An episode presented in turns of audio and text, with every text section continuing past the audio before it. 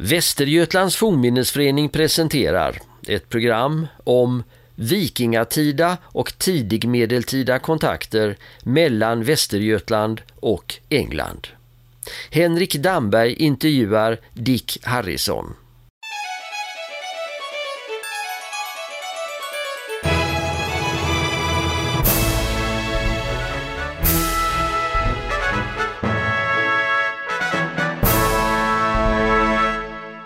Ganska ofta kan man läsa om, höra om att kontakterna mellan Västergötland och länder västerut, alltså Danmark och England, de var omfattande under vikingatid och tidig medeltid. Och jag måste fråga dig, Dick Harrison, historieprofessor från Lund, hur var det med det egentligen? Ja, att man inte har talat så mycket och skrivit så mycket om det här i historieböcker tidigare men likväl trott sig veta det i alla fall. Det beror på att det finns inga skriftliga dokument som säger att västgötakungar har kontakter med England eller att man importerar missionärer eller något liknande. Det finns inte men alla har spontant känt till det ändå och det är för att det finns så pass gott om tydliga kulturella markörer i vårt kulturlandskap. Eh, vi har sagominnen av det, till exempel den mest berömda den här sagan Helgon legenden om Sankt Sigfrid som ska då ha döpt Olof Skötkonung. Han ska ha varit utsänd av en kung i England, kung Mildred i York. Och Mildred har aldrig existerat. Sigfrid vet vi inte som han har funnits men spontant länkar man kristendomen till England i alla fall. Och när man sen tittar närmare på varifrån Sverige får impulserna till kristnandet och för den delen stadsbygget, hur svenska riket börjar funka, så finns det så pass många engelskliknande eller anglosaxiska anglosaxiskliknande markörer. Eh, myntpräglingen till exempel, där vet vi att det är anglosaxiska myntpräglare för deras namn står på mynten. Att det måste ha funnits väldigt nära samband. Så, så det här är sånt som vi spontant har vetat men vi har inte kunnat riktigt sätta fingret på det. Nu när man börjar göra nya utgrävningar så hittar man betydligt mer av engelskt silver, engelska mynt, engelska kulturinfluenser som gör att bilden klarnar en hel del. Och då vill jag mena att det inte bara är vikingatid och tusental vi talar om utan det här är med all säkerhet en mycket stor och naturlig kontaktyta från folkvandringstidens början och långt in i medeltiden. Man kan om man vill dra det ända fram till alltså Göteborg som lilla London och skottarna i Uddevalla och alltså hela det här eh, närheten som Västerhavet ger västra Sverige med Brittiska öarna. Finns det några fall där vi säkert vet att någon från England någon eh, präst eller ledare var i Västergötland eller tvärtom att någon västgöte var med över dit. Ja, vad vi kan vara helt säkra på är att när Knut den store i början av 1000-talet erövrar England, danskan erövrar England två gånger, först Sven Tveskägg och sen gör sonen Knut den store om det här. Då har han med sig folk från stora delar av Sverige. Och det är inte bara Västergötland, även om det med största sannolikhet framförallt är från Västsverige av geografiska skäl. Men vi har till exempel belägg från runstenar att till och med upplänningar deltar. Så det här är inte en dansk invasion, det är en allskandinaviskt projekt. Eh, där Västergötland ligger ungefär mitt i det här projektet. Och vi vet att det finns en hel del svenskar som inte bara följer med utan stannar kvar i England. De dyker upp lite överallt på runstenar i hela Sverige. Men Västergötland ligger då geografiskt mitt i det här bältet som influeras av Knut den store. Ett annat exempel är den här titeln Tegn, Tegn som vi har både gott om exempel på i Västergötland och i England. Vi har alltså delvis samma ämbetstitlar eh, och vi har en politisk kultur som är kusligt likartat. Och till detta kommer sen kyrkan. Det är ingen slump att Skara stift blir Sveriges första permanenta stationära stift. Där är banden till England uppenbarligen väldigt starka. Men just då under Knut den stores regeringstid, då är det förmodligen Knuts välde som gäller i Västergötland också. Och då har man alltså till och med samma politiska ledning i England som man har i Västergötland. Och då är det inte konstigt att man kan se tydliga kulturinfluenser. Och det är det här som står på många runstenar att den och den var en god tegn. Mm. Och eh, därmed kan vi kanske gissa att det finns en koppling till England på något sätt eller Danmark. Ja, man kan inte säga att det här är folk som har utnämnts till positioner av en engelsk eller dansk kung. Men man däremot kan säga att det är samma typer av politisk kultur. De använder sig av samma typer av ämbetstitlar, samma typer av lokal maktsystem. Alltså det påminner så pass mycket om varandra, till och med i ämbetena, att vi måste förutsätta en ganska lång påverkan där man har upplevt England som en förlängd del av det egna området. Och det här fortsätter man göra sen. Om man tittar på äldre västgötalagen när man stadgar alltså de här bötessiffrorna, hur mycket man måste böta om man slår ihjäl en västgöte och en svensk och så vidare. Då, då dyker engelsmännen upp där. Alltså det stadgas hur mycket det kostar att döda en smålänning och en engelsman och en västgöte. Och det är olika summor eh, beroende på hur långt bort man kommer ifrån. Och då, då lägger man alltså in en engelsman, vilket för, kan förefalla onödigt idag. För menar, på hela världen var det så många incidenter och bråk bråk med engelsmän att man måste lagstadga om det. Ja, tydligen var det det. Eller så är det så att England är en förlängd del av närområdet som man på ett naturligt sätt måste förhålla sig även i skriftlig lag. Och, och Tittar man på alla sådana här markörer i vårt kulturlandskap och i våra äldsta skriftliga källor så är det remarkabelt hur nära banden måste ha varit på ett naturligt sätt. Så, så jag tror inte att det här med tusentalet och Knut den store var något sorts specialfall, att det var ovanligt nära band då. Det är snarast det att vi ser det tydligast då. Jag skulle vilja säga att Nordsjön förband Västsverige med Brittiska öarna under hela tidig medeltid och långt fram i tiden också. Det här du sa om Västgötalagen, att det finns då ett eh, särskilt paragraf om vad straffet blir om man slår ihjäl en engelsman. Vad tyder det på? Är det, tyder det på att engelsmän befann sig i Västergötland?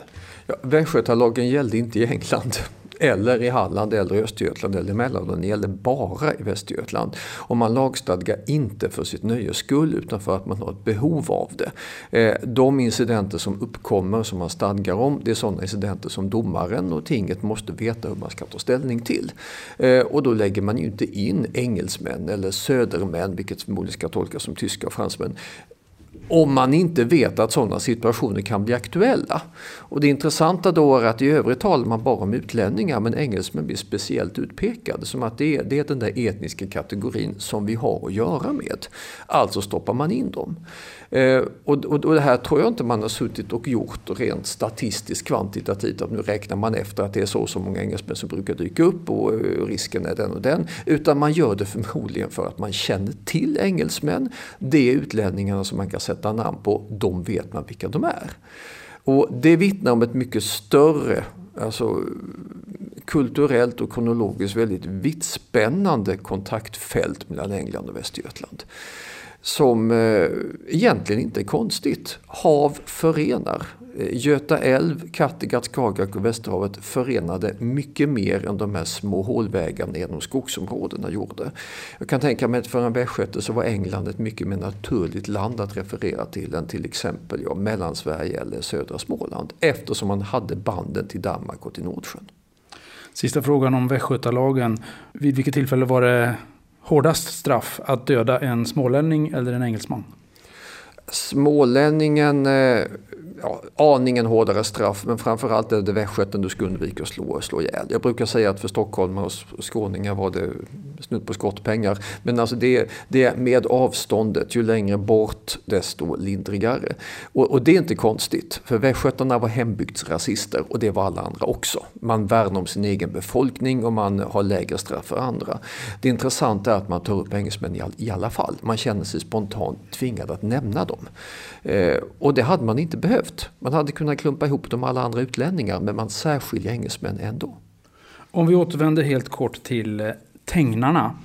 Ibland ser man tolkningar, då, det står ju på vissa runstenar att någon tegn faktiskt har varit i England och stridit. Det finns det någon runsten som berättar. Men handlar det om det varenda gång det står om tegnar på runstenar att någon har varit och stridit i utlandet? Nej, absolut inte. Um, om någon har varit och stridit i utlandet så står det det. Då är det en sån här statuspunkt som man nämner. Då, det skall man dra upp för det är en stor viktig poäng. Ungefär som man nämner vem som är son till vem för då handlar det om arv och så vidare. Då. Ehm, om det bara står tegn då är det för att tegn betyder någonting även i Västergötland. Det har alltså en betydelse som har med lokal makt att göra. En betydelse som inte alls förekommer lika mycket på andra håll i Sverige. Vi har exempel på namnet Tegn, om man, alltså som ett namn. Men Västergötland har i särklass flest Tegnar som fungerar som sådana inom ramen för den västgötska politiska kulturen. Man har alltså delat en politisk kultur, ämbetstitlar, eh, ärenamn med Danmark och England. Och jag tror inte att det är sånt som Knut den store har infört. Jag tror att det är likheter i hur makt har utövats som går tillbaka till att man har haft så mycket gemensamt under flera hundra år. Finns det några fler tecken eh, som tyder på de här kontakterna eh, västerut? Ja. De tydligaste tecknen det är ju de som vi kan se i form av kyrkor och i form av mynt. Mynt eftersom de är så lätta att definiera var de har kommit ifrån. Eh, och då menar jag inte bara mynt som betalningsmedel. Jag menar silver och även guld som man får in och som man kan se att man återanvänt i smycken eller till något liknande. Eh, och när det gäller Olof Skötkonungs myntprägling så har vi till och med anglosaxiska myntmästares namn eh, skrivna på dem. Så där råder inget tvivel alls. Så kyrk kyrkan och den kristna kulturen, den vet vi får vi ett starkt inflytande från anglosaxiskt håll, vilket retar de tyska missionärerna jättemycket. Och det är vi historiker tacksamma för, för när man blir förbannad så skriver man om det och då får vi dokumentation. De är ännu mer arga på att danskarna lånar in engelska präster och då leder det till ganska mycket propaganda och därför vet vi det. Eh, så kyrkomännen och myntpräglarna, där ser vi det väldigt tydligt. Vad vi nu har börjat se det är dessutom hur västgötar åker över och plockar med sig rikedomar, alltså utgrävda fynd. Där man eh, blir på ett mer fysiskt sätt delaktig av Knut den stores imperium. Men vad jag vill hävda då är att det här är grädden på moset. Det här är de där lyckosamma entreprenörerna som passar på att slå till. Eh, Tittar du på den kyrkliga kulturen och hur den kommer in tidigare, nu snackar vi alltså inte 1000-tal utan sent 800 och 900-talet. Då finns det en direkt korrelation till hur kristendomen sipprar in och hur de gamla gammalvikingatida fornminnena försvinner. Och det här har man inte kunnat förklara innan. Det är som att Västergötland saknar religion under hundra år. Eh, och sanningen tycks nu mer med gå upp för oss att de blir kristnade. Inte från det tyska och frankiska hållet, för det noteras i skrift, sådana som Ansgar, utan ifrån det anglosaxiska hållet. Förmodligen i samband med vikingatåg och vikingafärder där man återvänder med präster. Och det är den särklass mest sannolika förklaringen till varför vi har en kristenhet i Västergötland långt innan vi har det i övriga Sverige. Vilket Varenhemsutgrävningar är ett klart belägg på. Så om vi pratar om eh, Katagård, det var en kristendom som kom från väster? Håller det för högst osannolikt att den inte kom från väster. Alltså, jag är medvetet vag nu, vi har alltså inga belägg. Det står inte hit kom jag från London och predikade. Så, så, så belägg finns inte.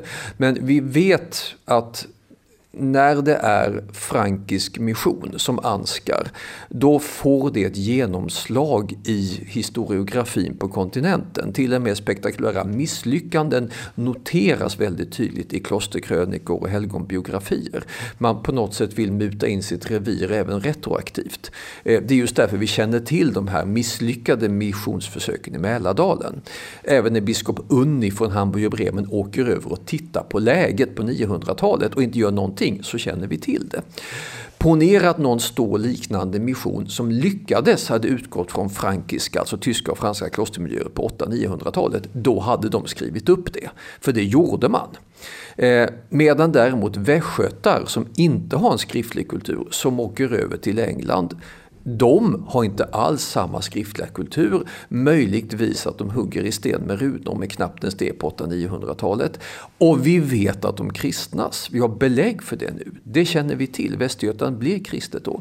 Och då finns det inte många fler länder än England att välja på. Så jag ser det här som en någon sorts ackulturationsfas där man lär känna en anglosaxisk kristenhet, blir en del av den och tar med den tillbaka hem. Och där växer sedan den första svenska kristendomen fram utan att någon tysk missionär har ett intresse av att notera den. Detta skulle förklara alla då skulle pusselbitarna falla på plats. Det skulle förklara varför Skara stift är fullt färdigt, mission accomplished, redan i början av 1000-talet. Medan övriga Sverige befinner sig i starten av missionsfasen. Vad säger källorna i England om eventuella så att säga, missionssatsningar i, i Västsverige?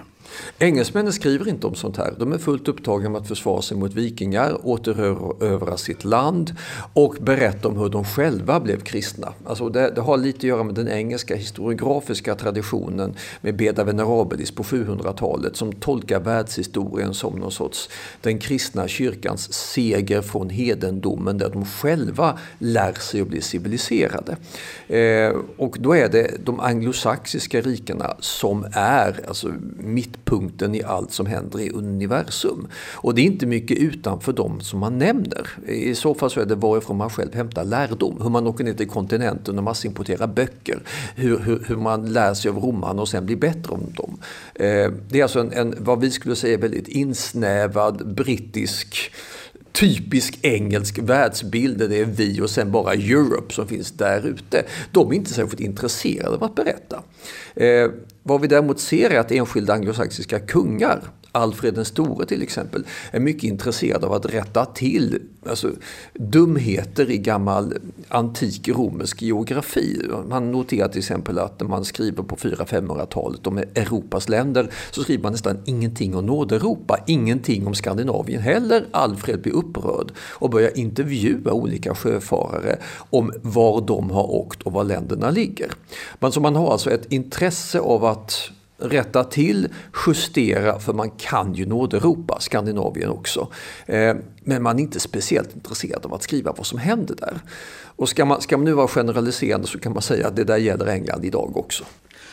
Ortnamn och eh, språket, har vi några så att säga, spår från våra kontakter med England där? Ja, inte så att engelsmännen åker hit och grundar byar, däremot åker vi till dem. Eh, och det här var länge en, en ganska stor tvistefråga inom eh, engelsk vikingaforskning. Där man, om man ska generalisera så menade språkforskare att det var inte många västgötar och danskar och norrmän som flyttade över till Danelagen och till England. Absolut inte, det var ett litet krigiskt överflytt på några hundra. Medan då eh, eh, alltså språkforskare och historiker menade ibland det här, men medan andra språkforskare menade att jo, jo, jo, titta på alla de här namnen som står på by eh, torp och så vidare. Då. Det här är typiska exempel på skandinaviska influenser. Och historiker hävdar att nej, nej, nej, du missförstår allt det här.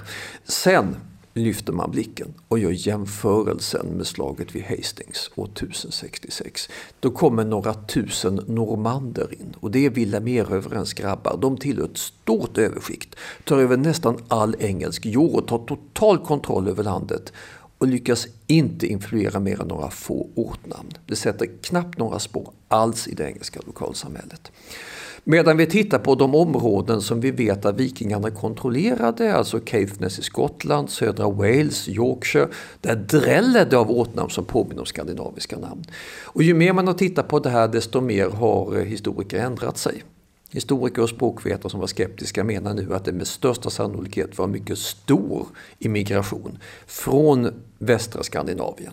Och, och, där kan man då gräla i evighet om varifrån de kom. Om det är norrmän eller västgötar eller danskar. Själva hade de förmodligen inte förstått frågan för de ingick i samma projekt. Eh, kolonisera, flytta över, söka ny mark. Och så som forskningsläget ser ut idag så är det en ganska omfattande emigration över Nordsjön.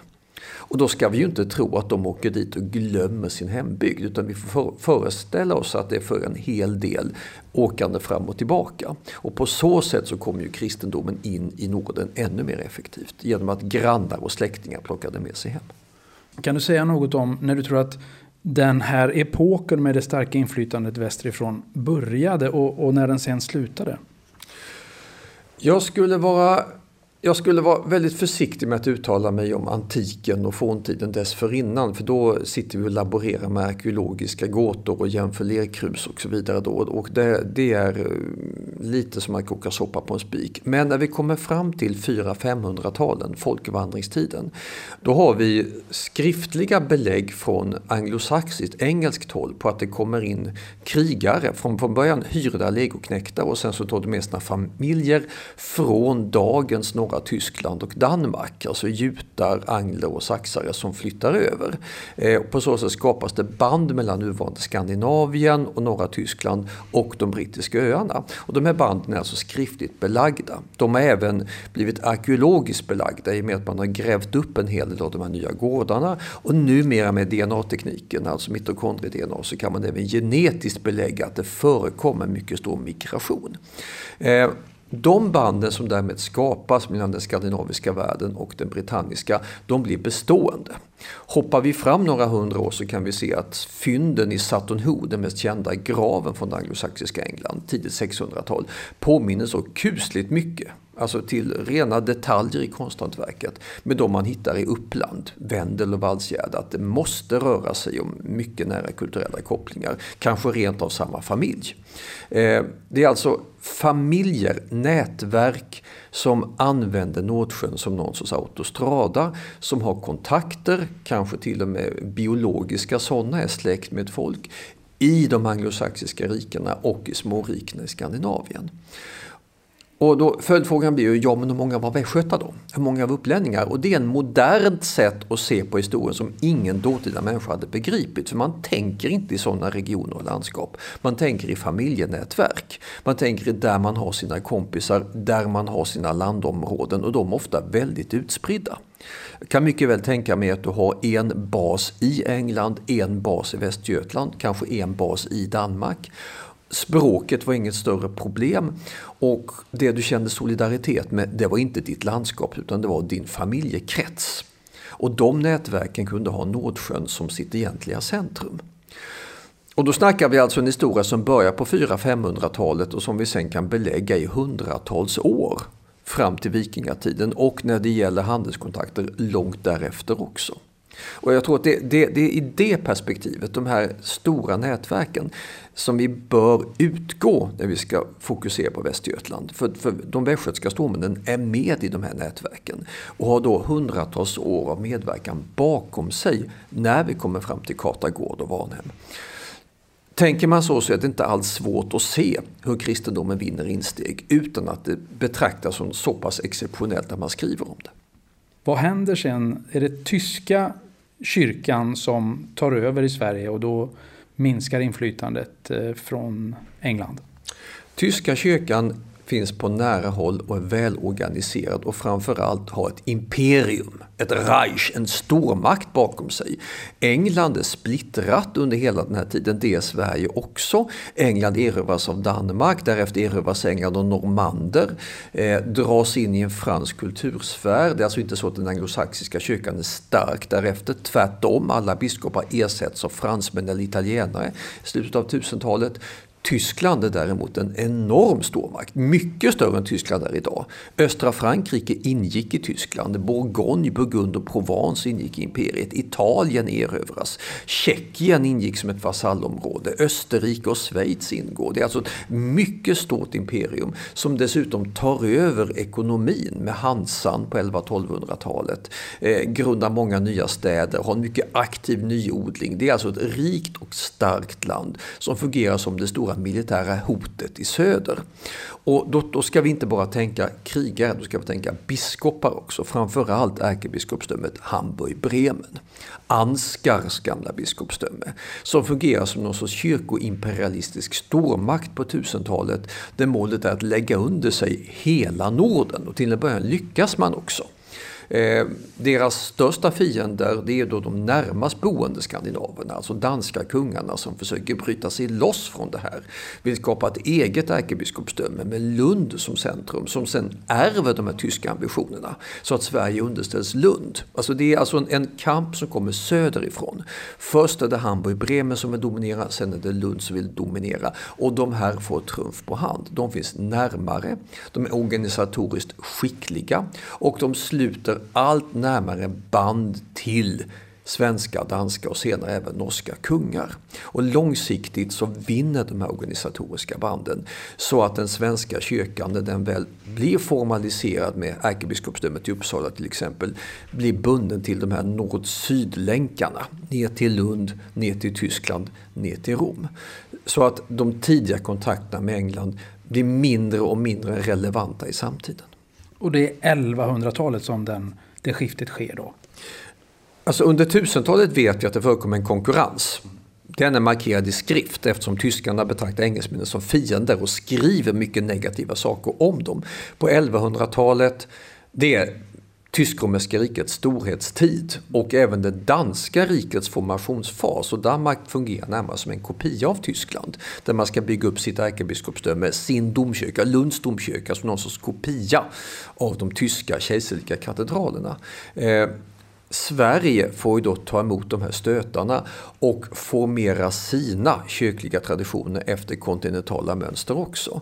Och ska vi hitta något alternativ till Tyskland, ja då får vi plocka det från tyskarnas grannar. Frankrike, alltså Cisterciensorden och så vidare. Då.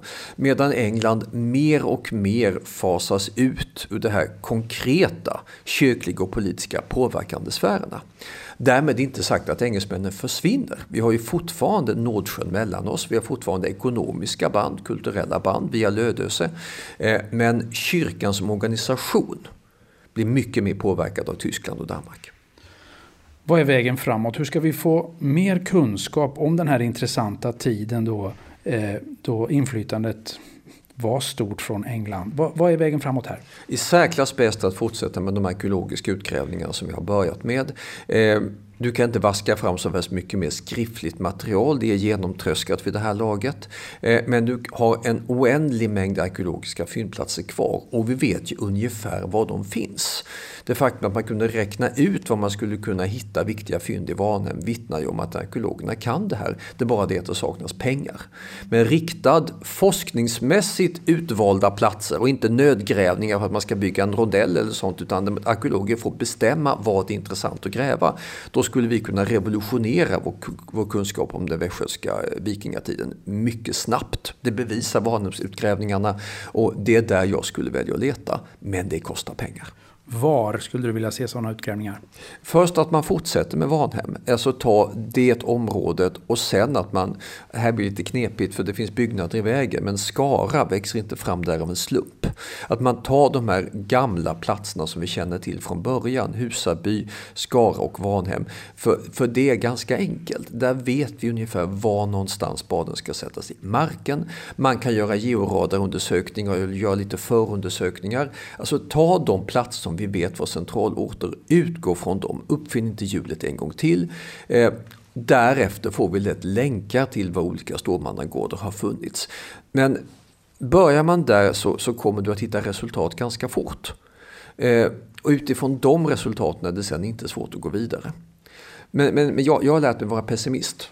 För jag vet att nästan alla arkeologiska utgrävningar idag, de sker när man är tvungen att göra det. När man ska göra något stort infrastrukturellt projekt som inte är vetenskapligt intressant men som av samhällsekonomiska skäl måste göras. Då får arkeologerna sätta spaden i marken. Vanhemsgrävningen det är det här gyllene undantaget som visar att när man väl får bestämma själv ur vetenskaplig arkeologisk synvinkel då händer det saker i vår vetenskap som, som tvingar oss att skriva om historien. Och jag skulle bli så glad om våra statsmakter kunde prioritera den vinklingen lite mer. Tack Dick Harrison. Tack själv.